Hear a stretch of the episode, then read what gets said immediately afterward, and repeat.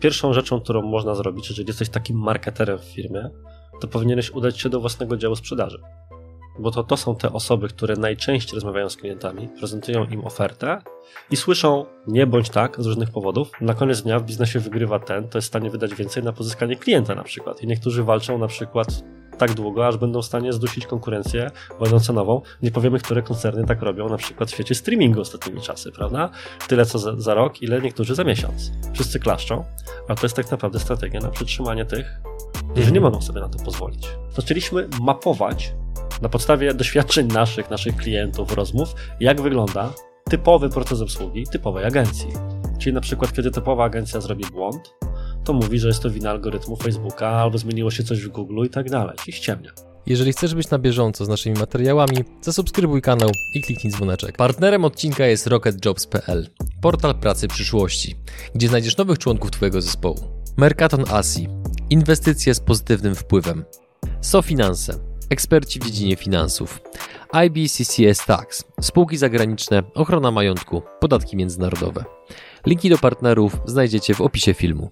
Dzień dobry drodzy widzowie, Adrian Gorzycki, Przygody Przedsiębiorców. Witam Was w kolejnej serii eksperckiej, która od razu tak zaznaczę na początku, może być lekko nietypowa, ponieważ y, moim gościem dzisiaj jest Artur Jabłoński. Dzień dobry. Dzień dobry wszystkim.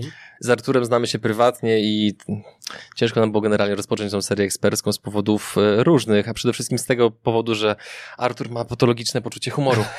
E, natomiast nie przedłużając, y, Arturze drogi, o czym będzie cała seria ekspercka i o czym będzie pierwszy odcinek? O czym będzie pierwszy odcinek, to zobaczymy, gdzie uda nam się go zamknąć, bo punktów przygotowałem e, sporo. W ogóle chciałem na początek rozpocząć jakimś żartem podobno, bo zawsze ty rozpoczynasz i stwierdziłem, że ta seria ekspercka będzie jak ulica Sezamkowa. Dlaczego? Dlatego, że ona będzie sponsorowana przez literki i cyferki. Bo Mhm. Tak naprawdę całą serię postanowiłem osnąć, żeby się łatwiej zapamiętywało i później ewentualnie na tej podstawie wracało e, do poszczególnych punktów naszym widzom wokół litery P. Więc wszystkie takie kluczowe punkty, które będziemy poruszali, będą nawiązywały do tej litery i zobaczymy, ile nam ich wyjdzie. Ja mam przygotowanych na swojej czarnej liście nawet 15, więc zobaczymy, czy uda nam się po 5 na odcinek zamknąć. Natomiast Mhm. cały koncept na serii jest taki, żeby ktoś, kto albo chce wewnętrznie w firmie, albo przygotowując się do współpracy z agencją reklamową, albo po sparzeniu się na współpracy z agencją reklamową i postanowieniu, że będzie robić w końcu marketing samodzielnie, był w stanie w kompetentny sposób od A do Z przejść proces planowania, tworzenia strategii marketingowej, strategii komunikacji, jak zwał, tak zwał. Ja w ogóle muszę na samym wstępie zaznaczyć, że strasznie nie lubię w ogóle używania słowa strategia, bo uważam, że ona ma dużą moc. I za tą mocą jak Spider-Man stoi wielka odpowiedzialność, a dzisiaj mamy strategię od wszystkiego. Znaczy strategia sprzedaży, jasne jest, strategia content marketingu, ale potem jest strategia Twittera, LinkedIna i tym podobne. Więc możemy użyć słowa strategia, ale z takim założeniem, że nie będziemy tworzyli dokumentu na setki stron, z którym to się kojarzy, ale pewien actionable plan, czyli coś, co po prostu możesz wykonać samodzielnie, co być może nie spełnia wszystkich kryteriów bycia wielką, poważną strategią biznesową, ale jest wystarczająco dobre i dokładne, żebyś był w stanie na tej podstawie pracować ze swoim zespołem, jakimś zespołem wsparcia zewnętrznego, wewnętrznego, konsultantem, teamem, jakkolwiek. Czyli taki zestaw kroków, upraszczając. Zestaw trochę. kroków, myślę. Mhm. Mhm. Dobra, to jaka jest w takim razie pierwsza literka? No, literka będzie cały czas taka sama, będzie to literka P, mój drogi. Natomiast pierwszą z tych literek i pierwszą rzeczą, o której byśmy musieli powiedzieć, czyli jednocześnie pierwszym krokiem na ścieżce do przygotowania sobie tej strategii komunikacji, strategii marketingowej, jest rozmowa o swoim kliencie, czyli pierwsze P to persona. I teraz e, pewnie wszyscy, którzy nas słuchają i mają jakieś doświadczenie odnośnie oglądania materiałów marketingowych, to mają od razu złe wspomnienia do czasów, w których szykując personę marketingową, musieli tworzyć portret swojego klienta. Pewnie właśnie wywracają oczami, że aha, kolejna Tak, personia. że to jest znowu po raz kolejny personie, natomiast to muszę zaznaczyć na samym, na samym początku. Ja mam bardzo nietypowe podejście do tego typu rzeczy i ja nie jestem fanem persony. Mnie się zawsze kojarzy tego typu namysł z charakterystyką postaci ze szkoły podstawowej.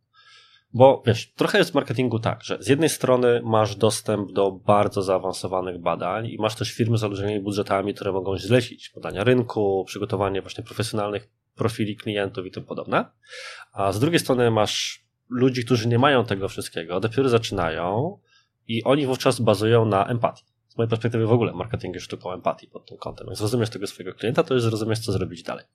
Ale nie mają narzędzi, żeby zweryfikować, odbić to od żywego klienta, a żaden plan jeszcze tego nie przetrwał.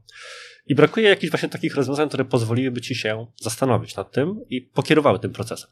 I teoretycznie czymś takim ma być właśnie persona, Ale potem się okazuje, że człowiek siedzi, zastanawia się nad tym dobrze. To ile lat ma mój przykładowy klient? No tyle i tyle. I powstaje albo jeden, albo kilka właśnie takich charakterystyk postaci, które mnie się naprawdę kojarzą ze szkołą podstawową, bo tam się pisało, że Staś był bardzo opiekuńczy względem Nel i miał tyle, tyle lat i był starszy od niej tym podobne. Ale potem próbujesz coś takiego użyć w rzeczywistości. I jak masz przełożyć na przykład na sprzedaż, niech to będą czujniki dymu, portret człowieka, który ma 30 lat, no pewnie mieszka w domu, to potrzebuje takiego czujnika, jeździ do pracy Volkswagenem, czy te wszystkie inne rzeczy, które ludzie w tym wpisują. Więc z mojej perspektywy to jest dobre narzędzie, ale wspierające. Natomiast z perspektywy tego, co powinieneś przede wszystkim zrobić, żeby być w stanie. Tu ci przerwę. Na ile to jest Twoim zdaniem wspierające, a na ile y, jesteś dyplomatyczny i nie chcesz powiedzieć zbędne? Wiesz, to nie powiedziałbym, że zbędne, dlatego że rzeczywiście jest tak, że potrzebujesz trochę znać, na przykład plan dla dnia swojego klienta, żeby być w stanie potem dobrać kanały komunikacji. Musisz mniej więcej wiedzieć, jaki on jest, jakie ma wartości, żeby też być w stanie osnąć cały swój przekaz jako spójny albo kontrujący w jakiś sposób te wartości. Więc to jest jedno z narzędzi, natomiast mam takie wrażenie, że dla większości marketerów albo biznes, ludzi biznesu, którzy chcą zacząć, to jest pierwsze, na które się napotykają z uwagi na swoją powszechność i jednocześnie ostatnie, z którego korzystają. Mhm. A z mojej perspektywy właśnie ono powinno być tym ostatnim, po które sięgasz, kiedy zastanowisz się już nad czymś innym. I z mojej perspektywy jest tylko jedno pytanie, które musisz sobie na samym początku zadać, czyli e, kto jest Twoim klientem i uwaga, jaki ma problem albo zadanie do rozwiązania. Bo jeżeli na to odpowiesz, to de facto wiesz, co mu oferujesz, ale też w jaki sposób powinieneś mu o tym rozwiązaniu mówić, no bo jakby nie było twoje rozwiązanie, jest odpowiedzią na jakiś problem, który ktoś może mieć. Dzięki, że jesteś z nami i oglądasz nasze filmy. Chcielibyśmy przekazać Ci krótką informację. Przygody przedsiębiorców to nie tylko wywiady. Na co dzień zajmujemy się przede wszystkim wideomarketingiem na YouTube. Jeśli chcesz, aby Twoja firma zaczęła generować lidy z platformy, która zrzesza ponad 20 milionów użytkowników w samej Polsce, to wejdź na przygody.tv i sprawdź, jak możesz z naszą pomocą skorzystać z potencjału YouTube'a, zanim zrobi to Twoja konkurencja. Mhm. A co w sytuacji, jeżeli dopiero zaczynam i jeszcze nie obsłużyłem ani jednego klienta? Czy to też jest aplikowalne, czy nie? Mm, jeżeli zaczynasz biznes w ogóle i tak. szukasz produktu, no w sensie, jeżeli nie szukasz w sensie produktu, nie, to trochę nie wiesz. Znaczy nie, uruchamiasz firmę, bo często jest tak, że Ludzie zakładają firmy, bo mają jakieś wyobrażenie o jakiejś sytuacji rynkowej, mhm. często inwestują swoje pieniądze, kreują jakąś usługę, a potem się okazuje, że generalnie rynek nie reaguje w sposób pozytywny. Więc pytanie, czy to, czym, o czym teraz mówisz, jest aplikowalne właśnie do takiej sytuacji, gdzie nie obsłużyłeś jeszcze ani jednego klienta, po prostu zachęcony być może dotacją z Urzędu Pracy, że powinieneś założyć biznes. Sytuacja, o której mówisz, jeżeli dobrze ją interpretuję, ona de facto jest na tym naszym procesie mhm. jako czwarta literka, której nie będę teraz spoilerował, żeby zostali Państwo z nami do, do następnej przerwie. Jaka to będzie literka? Też P? Też będzie P, oczywiście. To będzie ta sama literka, mhm. tylko po raz czwarty występująca, mhm. bo wtedy będziemy mówili właśnie o tym, e, co należy mówić, kiedy chcesz de facto już coś sprzedać, a co kiedy masz kogoś przekonać, że to jest właśnie coś, co powinien kupić. Okay. To są trochę dwie różne, różne sytuacje. Natomiast w tym momencie, kiedy wracamy do tego pierwszego bloku i mamy na przykład typowego konsumenta e, B2C, to i przy B2C, i przy B2B tak naprawdę będzie nas interesować tylko jedna rzecz. Kryteria decyzyjne, którymi ktoś kieruje się przy wyborze. No i teraz zobacz, zobaczmy taką sytuację dla obu, obu, sytu, obu biznesów. Czyli mamy na przykład biznes B2C, załóżmy, jesteś zawsze ładnie ubrany w programie, czyli że chciałbyś kupić sobie garnitur. Mhm. I teraz to, co ty, jako osoba, która sprzedaje garnitury, czy byłbyś krawcem, czy byłbyś marką, nikt chyba nie zapłacił za sponsoring tego odcinka, więc nie będziemy żadną konkretną się posługiwać. I chcesz go sprzedać, to oczywiście potrzebujesz tej persony. To zwracając do tego, co powiedziałeś wcześniej, bo musisz wiedzieć mniej więcej, jak żyje, czym się kieruje, skąd czerpie inspirację, jak się zachowuje ten człowiek, który te garnitury kupuje. Ale dla ciebie najważniejszą informacją jest to, czym on się kieruje przy wyborze garnituru. I teraz jest takie jedno fajne prawo marketingowe, w zasadzie chyba to jest prawo, ale tak często się nim posługuję, że im mniejsza znajomość kategorii produktów czy usług, tym bardziej ogólne kryteria decyzyjne. Postaw się w takiej sytuacji, że ostatni garnitur na sobie miałbyś na studniówce. I teraz masz za zadanie, idziesz na wesele, wypadałoby pójść garniturze z szacunku dla ludzi, do których idziesz, i masz kupić garnitur. Nigdy go nie kupowałeś, przez studniówce pewnie pomagała ci mama. I teraz czym się kierujesz przy wyborze?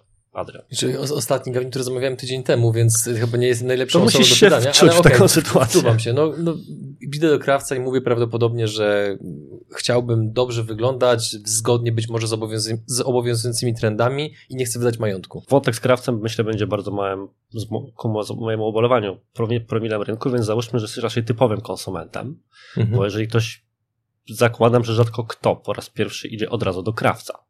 To już jest pewna specyfika i troszkę trzeba to znać, żeby to docenić.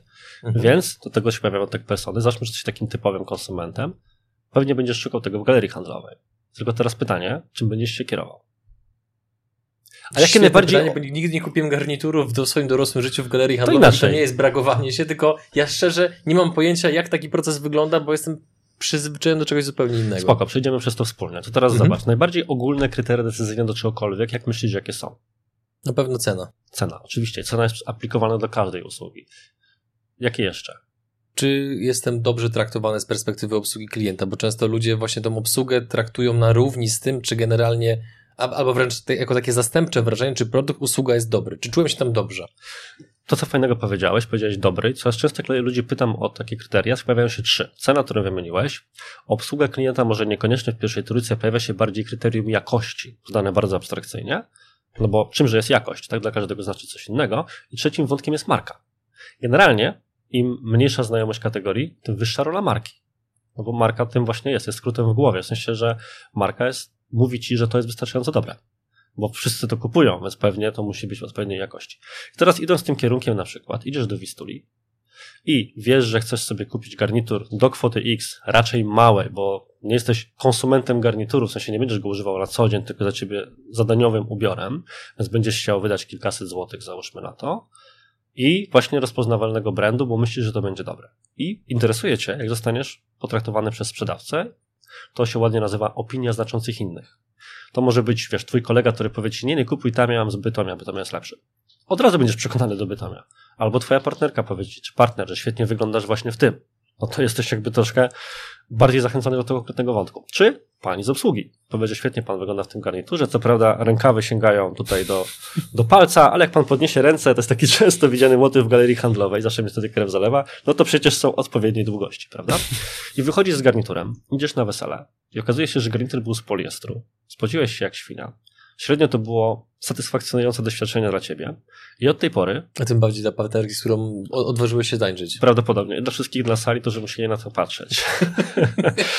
I w tym momencie musisz kupić nowy. Albo będziesz chciał kupić nowy, jeżeli faktycznie ci na tym zależy. Bo drugim tym elementem, o którym nie powiedzieliśmy, to, że dałoby się podzielić taki namysł nad tymi kryteriami decyzyjnymi pod dwoma kątami. Czyli z pierwszej strony, iloma kryteriami decyzyjnymi się kierujesz jednocześnie a z drugiej strony, jak bardzo ci zależy na dobrym wyborze. Bo istnieje coś takiego jak niskie zaangażowanie w decyzję i wysokie zaangażowanie w decyzję. Jeżeli mhm. ty właśnie kupujesz sobie, dajmy na to, co ty możesz sobie kupować, krawat, być może lubisz krawaty, i masz już ich wiele i wiesz, że są ci potrzebne, w sensie zależy ci na dobrym wyborze, to masz szereg kryteriów decyzyjnych, które będziesz się kierować. Podobnie jak człowiek kupuje albo szuka mieszkania na wynajem też jest szereg kryteriów decyzyjnych, które rozsądzasz. Jest to bardzo poważna decyzja, to w ogóle proces bardzo zbliżony do B2B pod tym kątem, bo edukujesz się w zakresie dostępnych rozwiązań i tak dalej, a poza tym każde poprzednie mieszkanie daje ci ileś powodów, co cię w nich wkurzało, co staje się kryteriami na kolejne mieszkanie. Więc ta lista jest bardzo długa. Ale z drugiej strony możesz mieć inwestora w nieruchomości, który po jakimś czasie nie będzie miał wysokiego tak zwanego zaangażowania decyzję, bo jego będzie interesowała tylko cena i lokalizacja bo on na przykład wie, że chce mieć blisko kampusów uniwersyteckich i możliwe do podziału na pokoje w kwocie X. Więc on jest nisko zaangażowany. I teraz może być tak, że niektórzy ludzie w niektórych kategoriach produktów zostaną na zawsze na kryterium cenowym, bo to nie jest ważne, żeby iść coraz głębiej, edukować się w tym. Nie każdy jest prosumentem, do tego dążymy. A niektórzy będą w tym zakresie rośli, więc trzeba to oczywiście zrobić. I mówię o tym nieprzypadkowo, dlatego że są de facto dwa rodzaje takich problemów, które ludzie mogą mieć. Pierwszy problem to jest, nie mam czegoś, co rozwiązuje mój problem. Chcę iść na te wesele i nie mam garnituru. Ale może być też drugi problem, czyli mam już coś, co rozwiązuje mój problem i szukam czegoś lepszego. Pod jakim względem? Kategoria switcherów. Ty masz już garnitur, ale szukasz takiego, który będzie z lepszego materiału. I nagle się okazuje, że po pierwsze rośnie świat Twoich kryteriów decyzyjnych. Pojawiają się nowe, których nie znałeś. Albo, to jest też ciekawe, stare kryteria nabierają nowego znaczenia. Bo jeżeli zapłaciłeś za garnitur 500 zł i był słaby, to kryterium ceny ulegnie zmianie. Od tej pory cena będzie powyżej 500 zł, bo prawdopodobnie droższe oznacza lepsza. Jeżeli sparzyłeś się na marce X, to nie znaczy, że przestaniesz patrzeć na marki. Nie, twoje kryterium będzie teraz kryterium negatywnym, czyli każda marka lepsza bądź inna niż ta, na której się konkretnie sparzyłeś. I kontekście B2C to mniej więcej w ten sposób działa, natomiast w kontekście B2B paradoksalnie podobnie. Tylko, że proces jest nieco bardziej skomplikowany, no bo z pierwszej perspektywy masz zawsze e, usługę dla konkretnego segmentu. I paradoksalnie przykładem, na którym mogłem to omówić, jesteście wy, jako przygody ze swoją usługą YouTube dla biznesu, która pod tym kątem mi się bardzo ładnie składa, bo z jednej strony masz na przykład firmy, które tworzą realizację wideo, ale one nie mają oferty dla biznesu. Nie tyle, że nie chciałyby tego robić, tylko po prostu nie rozumieją całej tej marketingowo-sprzedażowej otoczki YouTube'owej, którą wy rozumiecie. Z drugiej strony macie agencje reklamowe, które często nie mają po prostu manpower, sprzętu i wiedzy w budowaniu czegoś w świecie wideo. I pojawia się właśnie, mhm. pojawicie się wy ze swoim komunikatem YouTube dla biznesu, czyli konkretna usługa dla konkretnego segmentu. Więc to jest pod tym kątem już te, te, ten etap profilowania, którego nie robi większość firm. Tylko jest twój przyszły CRM, ale dla małych firm czy dużych firm, tak? Prosty program do faktur, ale dla jednoosobowych działalności, czy dla już kogoś, kto wystawia setki dziennie. Więc wy macie ten segment, dlatego to jest dobry przykład, którym się można posłużyć. Mhm. I w kontekście konkretnego segmentu też są kryteria decyzyjne, które podejmują osoby za to odpowiedzialne. Sęk tylko w tym, że o ile garnitur kupuje sobie jedna osoba, o tyle w B2B przeważnie jest cały komitet osób zaangażowanych. I nie wiem, czy wiesz, ile według badań średnio osób jest zaangażowanych w proces zakupowy B2B. Błysnę, bo rozmawialiśmy o tym przed nagraniem. 5,5. tak, 5,5 to są Brawo, badania. wygrałem e, e, tego Wygrałeś tę oto butelkę wody, oczywiście. Wygrałem satysfakcję. Tak, 5,5 osób jest zaangażowanych. Mhm. Oczywiście są to uśrednione dane też bazujące na, no, to nie są źródła zdane, są to badania Challengera. Ludzie odpowiedzialni za książki z serii Challenger Sale, Challenger Customer i tak dalej, które bardzo polecam swoją drogą. Wszystkim marketerom swoją drogą takie, takie też sprzedażowe materiały polecam, o, o czym jeszcze będziemy mówili. I w tym momencie, jeżeli już wiesz, jaki jest ten segment B2B, e, mhm. jakie osoby na jakich stanowiskach podejmują decyzje, to jesteś w stanie zrozumieć, jakimi kryteriami przy tym wyborze oni się kierują i na tej podstawie próbować dopasować do nich przekaz marketingowy, swoją komunikację czy rzeczy, o których będziesz mówił. Czyli okazuje się, że istnieją pewne punkty wspólne i da się mniej więcej podobnym procesem czy namysłem nad podobnymi rzeczami zacząć rozmawiać o B2C, a potem odbić się u, mhm. uszczegółowiając to też do rynku B2B. No tutaj dopytam, jak wygląda proces odkrywania kryteriów decyzyjnych? To jest kontakt telefoniczny, mailowy, to jest spotkanie na żywo, to jest e, indywidualna dedukcja, burza mózgu z Twoim zespołem. Jak to powinno się odbywać Twoim zdaniem? Wszystko, co wymieniłeś, bo też jest to zależne od tego, jakie masz zasoby. Aczkolwiek, no, pierwszą rzeczą, którą można zrobić, jeżeli jesteś takim marketerem w firmie, to powinieneś udać się do własnego działu sprzedaży. Bo to, to są te osoby, które najczęściej rozmawiają z klientami, prezentują im ofertę i słyszą nie bądź tak z różnych powodów i przeważnie, jeżeli proces jest odpowiednio poprowadzony, to zarówno po nie, jak i po tak dopytują o to, co zdecydowało o decyzji takiej, a nie innej. Możesz przeprowadzić rzecz, która jest znana w świecie edukacji online, kursów online, ankietę do jakiejś społeczności i to nie musi być twoja społeczność, to mogą być cudze społeczności. Przecież ile razy pojawiają się różnego rodzaju ankiety na grupach zamkniętych, wysyłane do różnych osób z prośbą o 10-15 minut czasu, odpowiedź na kilka pytań, bo ktoś pracuje nad jakimś innowacyjnym rozwiązaniem w branży X i chce zrozumieć, czy ono będzie dla kogoś realnie przydatne, mhm. czy nie. Więc jest to oczywiście praca w polu po prostu, bo jeżeli ponownie nie masz funkcji pieniędzy i nie możesz sobie po prostu kupić, zamówić badań, które ci powiedzą, że konsumenci pieluszek cenią w nich XYZ, to musisz działać innymi metodami, czyli po prostu swoją własną, swoją własną codzienną pracą.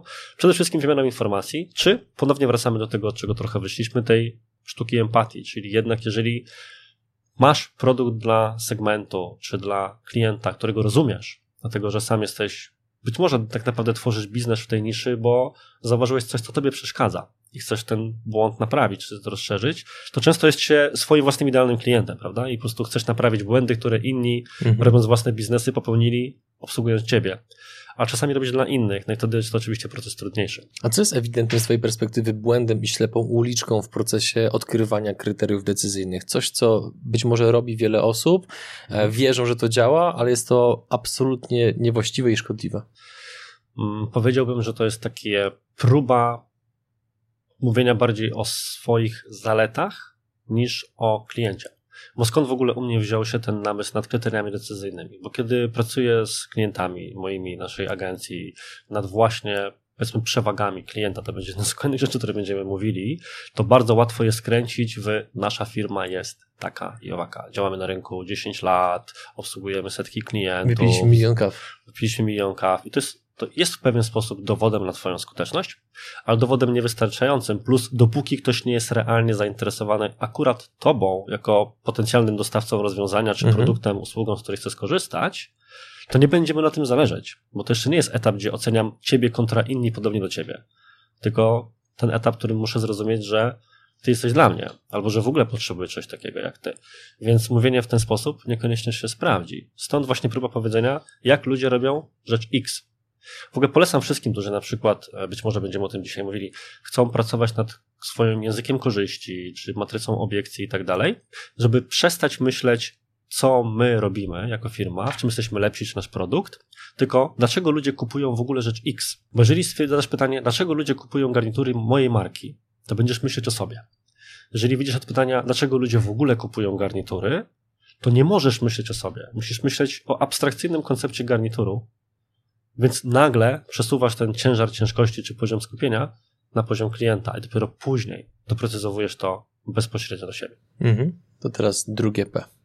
Drugie P, które właśnie już zdradziłem przed chwilą. Minęło jest... dopiero 20 minut, więc mamy tempo super. Cudownie, czyli rzeczywiście ta seria będzie, będzie bardzo zwarta. E, drugie P to przewagi. Czyli tak jak pierwsze, pierwsze P, czyli persona, było de facto odpowiedzią na pytanie, jaki problem ma klient, czy ewentualnie jakie ma zadanie do wykonania i jak może je rozwiązać, to drugie, drugie P, odpowiedź przewagi, to odpowiedź na pytanie, dlaczego miałby wybrać właśnie Ciebie. I tutaj właśnie myślę, że to nam wyszedł mimo, mimowolnie e, zgrabny segway, bo to jest właśnie wątek, w którym w kontekście B2C na przykład mówi się, że to teraz to jest ten moment na operowanie językiem korzyści. W kontekście B2B mówi się, że to jest ten moment, żeby posługiwać się, jak to we wszystkich metodykach sprzedaży, tam Challenger czy Customer Centric mówi, komunikowanie wartości dodanych. I jak miałbym to sprowadzić do jakiegoś jednego, drugiego uzupełniającego pytania, które po prostu pogłębia to pierwsze, to powiedziałbym, że trzeba po prostu odpowiedzieć sobie na jedno pytanie, w czym jesteś lepszy lub inny od konkurencji. I paradoksalnie jest to niesamowicie ciężkie pytanie. I trudność się zabrać za sam proces wynajdywania odpowiedzi z powodów, które wynikały z Twojego wcześniejszego pytania, czyli będziemy skupiali się na sobie, na przykład. No bo w końcu pytanie dotyczy nas, w czym ja jestem lepszy. No, ja jestem lepszy w tym, że wyprodukowaliśmy milion kaw w 15 rynkach. Bo to jest próba odpowiedzi na pytanie, które ma pomóc podjąć decyzję klientowi z perspektywy własnej. O rzeczach, które nam przede wszystkim zależy. One są ważne, ale na późniejszym etapie. Więc właśnie temu służy tak naprawdę nasze pierwsze P w rozumieniu persona i kryteria decyzyjne, bo jesteś teraz w stanie powiązać konkretne kryterium decyzyjne i odpowiedzieć sobie na pytanie, to co ja tutaj robię lepiej, bądź inaczej. W kontekście tych kryteriów decyzyjnych. No tak, bo popatrz, mhm. jeżeli wiesz, że kryterium przy zakupie garnituru będzie materiał. Czy mój materiał jest lepszy, czy jest inny? Bo może być garnitur z wełny. Ty masz wełnę merino, która jest inną wełną. W domyśle też można powiedzieć, że jest lepsza, jeżeli to się z tego sartorialnego świata. I zaczynasz teraz osnuwać swoją komunikację wokół tego jako przewagi. Musisz też oczywiście wyedukować klienta. Kolejna rzecz, której wiesz, marketerzy mogą nauczyć się od e, sprzedaży pod tym kątem i to komunikować. Mhm. Jeżeli masz lepszą cenę, to możesz być tańszy. To, dla pewnych ludzi oznacza lepszy, więc uderzasz w promocję i patrzysz na swoje okienko wyprzedażować i tak dalej. I to jest ta twoja przewaga. Masz po prostu tańszy. Na koniec dnia w biznesie wygrywa ten, to jest w stanie wydać więcej na pozyskanie klienta na przykład. I niektórzy walczą na przykład tak długo, aż będą w stanie zdusić konkurencję wojną cenową. Nie powiemy, które koncerny tak robią, na przykład w świecie streamingu ostatnimi czasy, prawda? Tyle co za, za rok, ile niektórzy za miesiąc. Wszyscy klaszczą, ale to jest tak naprawdę strategia na przetrzymanie tych, którzy nie mhm. mogą sobie na to pozwolić, a na przykład chcieli. A kupiłeś dostęp? E, już miałem. Już miałem, już miałem. Także, aczkolwiek tutaj ciekawy wątek, po prostu oddano mi tę różnicę. O. No, to naprawdę szapoba, w sensie bardzo dobry manewr mhm. pod tym kątem. Czyli, żeby to przekuć w takie actionable advice, to jesteś w stanie właśnie wziąć listę kryteriów decyzyjnych, którymi kierują się ludzie e, kupujący usługi, produkty takie jak Twoje i zacząć odpowiadać, co robimy lepiej lub inaczej. Po co może być jeszcze istotne? Na przykład dla niektórych istotny będzie czas realizacji zamówienia. Albo czas odpowiedzi na zapytanie. Są na przykład firmy, które produkują gadżety firmowe i ci, którzy zamawiają takie rzeczy, wiedzą, że często, mimo że pewien kalendarz, kiedy potrzebujemy gadżetów firmowych jest dość powtarzalny, to zawsze się tym dajemy zaskoczyć jak zima drogowcom. Drogowcy zimą, przepraszam, szczerze mówiąc. Więc na gwałt potrzeba tych materiałów. I teraz kto wygrywa? Ten, kto szybciej ci przygotuje ofertę, wizualizację albo to dostarczy. Więc co robimy inaczej na przykład? No już na etapie zapytania przygotowujemy wizualizację produktu żeby pominąć etap boksowania się mailami typu to kosztuje tyle, więc dobrze, to prosimy o wizualizację, oto pańska wizualizacja. Nie, my to robimy na przykład już od razu, więc to robimy inaczej bądź lepiej. Czyli jak znamy te kryteria, to możemy z tego wygenerować wartość dodaną. Mhm. Dlatego dla mnie jest to dobre podejście, bo zamiast tylko od problemu, który człowiek ma, chce zamówić gadżety, pozwala to uszczegółowić i sprowadzić do takich bardzo pojedynczych elementów, co później pozwala przekuć mhm. to na komunikację bieżącą.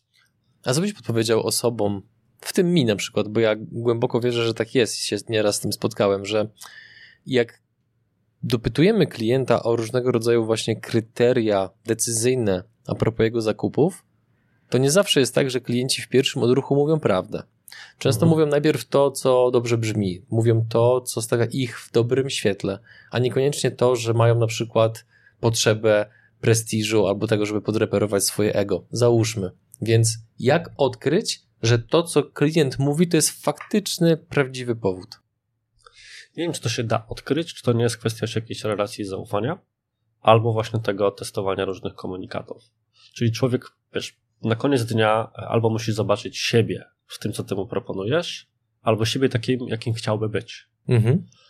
Bo chcesz kupić sobie na przykład konkretny garnitur konkretnej marki, bo wiesz, że chodzą nim ludzie, których uważasz na przykład za ludzi sukcesu. Czyli to jest ta potrzeba prestiżu której na przykład powiedziałeś. I możesz tak przygotować swoją komunikację, żeby do tego nawiązywać. Więc nie możesz komuś wprost powiedzieć, że chcesz być uważany za bardzo prestiżowego, bo to może być uznane na przykład za płytkie, ale możesz posługując się mechaniką właśnie dawania dowodów, że coś jest dzięki temu jakieś, o czym będziemy jeszcze mówili, próbować sprawdzić, czy to jest tak naprawdę to, o co komuś chodzi. Więc może to być w domyśle. Myślę, że to nie jest pozorom takie proste i to nie jest do, do rozwiązania na etapie samej komunikacji marketingowej. To pozostaje trochę w domyśle. Jest to bardziej już temat pewnie na rozmowę, jeden na jeden, niż na czysty materiał zapoznający się, nam, zachęcający w ogóle na przykład do odwiedzin strony. Czyli to jest trochę późniejszy etap procesu zakupowego. Mhm. A też w sumie jakby nie patrzeć, to jest odpowiedzią na to pytanie może być trochę to, co powiedziałeś wcześniej, że jako marketer warto, żebyś dobrze żył ze sprzedawcami i z nimi rozmawiał. No jeżeli taki sprzedawca, nawet jeżeli robił to w sposób przeciętny, odbył kilkaset rozmów sprzedażowych, to on doskonale wie, w którym momencie klient gada głupoty, żeby dobrze wypaść, a kiedy faktycznie mówi prawdę. Znaczy zawsze jest kwestia pytań pogłębiających. Jestem to chyba znana matryca, też używana od procesów linowych po właśnie sprzedaż, czyli pięć razy dlaczego. Czyli ktoś ci mówi, że chciałbym zrobić to i tamto. I pytasz go, dlaczego chciałby to pan zrobić? I tak kroczek po kroczku, mhm. kroczek po kroczku dochodzi do tego, że on ci albo pęknie i to powie wprost, albo nie ufa ci jeszcze na tyle, żeby powiedzieć ci to wprost. Jest, w ogóle skojarzyło mi się to z fantastyczną książką, ale de facto trendem, czyli komunikacją bez przemocy gdzie bardzo często okazuje się, że mamy problem z zdiagnozowaniem czy wyrażeniem wprost rzeczy, na których nam zależy, tylko i wyłącznie dlatego, że sami się ich wstydzimy. Czyli, wiesz, Adrian, to jest ciężkie powiedzieć komuś, że chcę na przykład wystąpić w Twoim kanale, bo mam potrzebę bycia znanym, albo mam potrzebę udzielenia wywiadu, bo jestem Próżne to złe słowo, takie oceniające, ale w pewien sposób chciałbym po prostu. Jest to dla mnie spełnia, spełnienie czegoś. Mhm. I naprawdę trzeba być człowiekiem, który jest bardzo samoświadomy, żeby powiedzieć coś takiego, wystawić się na taką ocenę, otworzyć. To jest piękny angielski termin vulnerability, prawda? Który trochę to opisuje, nawet nie wiem jakiego dobrego słowa użyć polskiego jako odpowiednika, żeby oddał wszystkie takie znaczeniowe elementy tym związane. Więc Dlatego powiedziałem, że to jest już temat bardziej na dyskusję, być może właśnie z działem handlowym, albo lepiej, że to pozostało w domyśle, bo będzie bardzo niekomfortową sytuacją dla obu stron próba zrobienia tego. Biorąc pod uwagę polski kontekst kulturowy, to wydaje mi się, że chyba jednym z lepszych opisów tego słowa byłoby gotowy na cios. No, nie róbmy może tego aż e, w ten sposób. Natomiast jest jeszcze druga metoda, od której mm -hmm. ewentualnie możemy się odbić do prowadzenia przewag. I to jest metoda, taka co się śmieje moja autorska, którą ja sobie roboczo nazywam, metoda na zwykły proszek. Ty się chyba wychowywałeś w podobnych latach co ja, latach Oj, 90. Tak. I pamiętasz, jaki tam był wówczas schemat reklam proszków do prania? Wszystkie proszki stawiały się w opozycji do pewnego innego proszku, którym był zwykły proszek. Zwykły proszek. To Żeby mhm. się dziwię, bo w sumie nie wiem, co to by trzeba było sprawdzić. Czy wypuszczono kiedykolwiek zwykły proszek jako markę? Kupowałbym, chociażby z sentymentu. Tak jak teraz pewne marki wróciły, jadąc na sentymencie, ja bym kupował zwykły proszek, który nawiązywałby do reklam z tamtych czasów. Mhm. Natomiast jaka była funkcja w tych reklamach tego zwykłego proszku? To był ten przeciętny reprezentant tego gatunku produktów, przeciętny w rozumieniu słaby, od którego my jesteśmy lepsi i na tym tle możemy błyszczeć, bo fajnie się myśli alternatywami albo w opozycji. I teraz, de facto troszkę już mówiliśmy o tym przed kilka chwil temu, że wielu ludzi zakłada na przykład biznes, dlatego że widzi pewną niszę na rynku, albo sama była ofiarą usług takich, jakie teraz chce realizować dobrze. Czyli widzi, że to się da robić lepiej i postanawia mhm. robić to lepiej. I de facto ja nie znam ludzi, którzy robiliby biznes, chcieliby go robić przeciętnie. Każdy przedsiębiorca, którego znam, chce robić coś ponadprzeciętnie. Czasami to wychodzi, czasami nie wychodzi, bywa różnie, są problemy po drodze, ale wszyscy chcą być ci ponadprzeciętni. Więc jesteśmy bardzo łatwo w stanie zacząć rozmawiać czy myśleć o naszych przewagach nad konkurencją, odbijając się od takiego zwykłego proszku naszej kategorii. My na przykład zrobiliśmy takie ćwiczenie wewnętrznie w firmie, czyli opinia o agencjach reklamowych na świecie, umówmy się, nie jest dobra. Dlatego, że większość agencji działa powtarzalnie, słabo i tak dalej.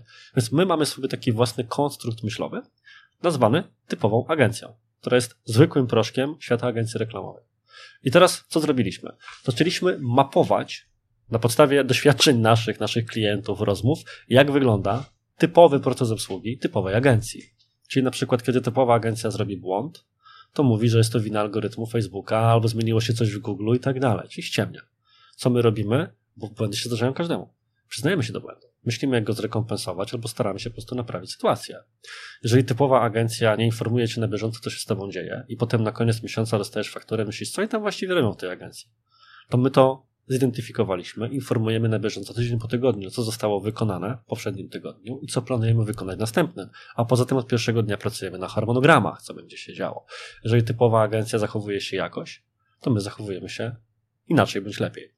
Jest to w ogóle świetne narzędzie, nie tylko pod kątem pracy nad własnymi przewagami w rozumieniu wartości dodane, co robimy inaczej bądź lepiej, czy właśnie korzyści ze współpracy z nami, ale też to jest ciekawe ćwiczenie integrujące zespół. Bo teraz, jeżeli ja chcę kogoś wprowadzić do zespołu i mam mu jednym zdaniem wyjaśnić kulturę naszej organizacji, to mogę mu tylko powiedzieć, w sytuacji, w której nie wiesz, jak się zachować, pomyśl, co zrobiłaby typowa agencja, i zrób inaczej, czyli dobrze. Mhm. Czyli jest to pewien skrót myślowy do, oczywiście upraszczając sprawę, kultury organizacyjnej. Ale to ułatwia nawigację na pewno podczas podejmowania decyzji. Tak, no bo wiesz, nie każdą konsultację, nie każdą decyzję, przepraszam, jesteś w stanie konsultować z kimkolwiek, szczególnie w takiej sytuacji jak my, pracujemy zdalnie, więc musisz do kogoś, musisz jakoś kogoś złapać, to być może teraz jest podczas jakiegoś okresu pracy głębokiej, twój bezpośredni przełożony nie jest dostępny. Więc jest to bardzo ciekawy skrót. Więc de facto masz dwa narzędzia. Z jednej strony kryteria decyzyjne, od których odbijasz się do poszczególnych swoich wartości dodanych, swoje korzyści, które chcesz komunikować, a z drugiej strony strategia zwykłego proszku, typowej firmy reprezentanta Twojej kategorii, od której odbijasz się do tego, jak to Twoim zdaniem powinno wyglądać. Czasami, szczerze mówiąc, w ten sposób można łatwiej nawet wpaść na innowacje w zakresie obsługi klienta czy zmian w produkcie, niż by to wyglądało. To był w ogóle sposób, w jaki u nas na przykład narodziła się usługa konsultacji doradztwa marketingowego. Bo zauważyliśmy, że z typową agencją jest tak, że na przykład przychodzisz do niej i mówisz, ja bym chciał Facebook Adsy, czy reklamę w Google. Agencja, która ma taką usługę, mówi, wyciąga cennik, mówi, to kosztuje tyle, proszę o to pańskie Google Adsy. No i to na przykład nie ma prawa zadziałać, bo jest to data center sprzedające kolokację serwerów, rzecz, która jest trudniejsza pod kątem prostego wyklikania z Google, wybrania pierwszej opcji, więc sprawa się nie udaje. Klient się wścieka, bo się nie sprzedaje. Agencja się dziwi, w sensie przecież zrobiliśmy to, co pan kazał. Zabrakło tego aspektu po drodze, czyli takiej pracy konsultacyjnej. Z drugiej strony możesz pójść do firmy typowo doradczej, która chętnie powie ci, co zrobić, ale nie zrobi tego za ciebie. Albo nie pomoże ci w tym procesie, bo część tak konsultacyjnych agencji wygląda. Sprzedaje audyt, e, rozwiązanie, gotowy dokument i koniec, radź sobie. Z tym postanowiliśmy, mając doświadczenie po tej, po tej rzeczy, przygotować usługę, która jest usługą łączącą te dwie światy. Udało nam się w ten sposób, po takim ćwiczeniu, wygenerować jakąś własną innowację produktową. Przy okazji zauważając, że generalnie tego potrzebują ludzie na rynku, potrzebują na pewnym etapie kogoś, kto im to zaplanuje i będzie jakimś takim sparring partnerem pomagającym im realizować albo pewne rzeczy realizując za nich, a nie tylko agencją, która zrobi coś niby od A do Z, ale i tak bardzo mocno cię po drodze angażuje. Więc bardzo gorąco zachęcam każdego, bo to jest jedno z najlepszych ćwiczeń, które można zrobić u siebie w firmie. Drodzy widzowie, to jest koniec części pierwszej, e, pomimo też, że tych literek jest znacznie więcej, to jak pewnie sami zauważyliście, Artur bardzo szczegółowo i bardzo dokładnie tłumaczy pewne rzeczy po to, żebyście to jak najbardziej zrozumieli, potem mogli to wdrożyć w swoich firmach, więc poczytajmy mu to jako dobrą cechę, a nie to, że jest po prostu gadułą, który nie potrafi zwięźle przekazywać swoich myśli. Musiałem to powiedzieć. Przepraszam bardzo. My robimy krótką przerwę i zapraszamy Was do obejrzenia drugiego odcinka, który na kanale pojawi się już niedługo, a jak tylko się pojawi, to link oczywiście będzie w opisie tego filmu. Kończymy. E, coś, jakieś słowo na koniec, Artur? E, słowo na koniec, które może być coś takim cliffhangerem do kolejnego odcinka, może brzmieć, że nawet jak załatwisz sobie personel, nawet jak załatwisz sobie przewagi, to nie ma jeszcze gwarancji, że masz przygotowaną dobrą komunikację. Przecinek. Do zobaczenia.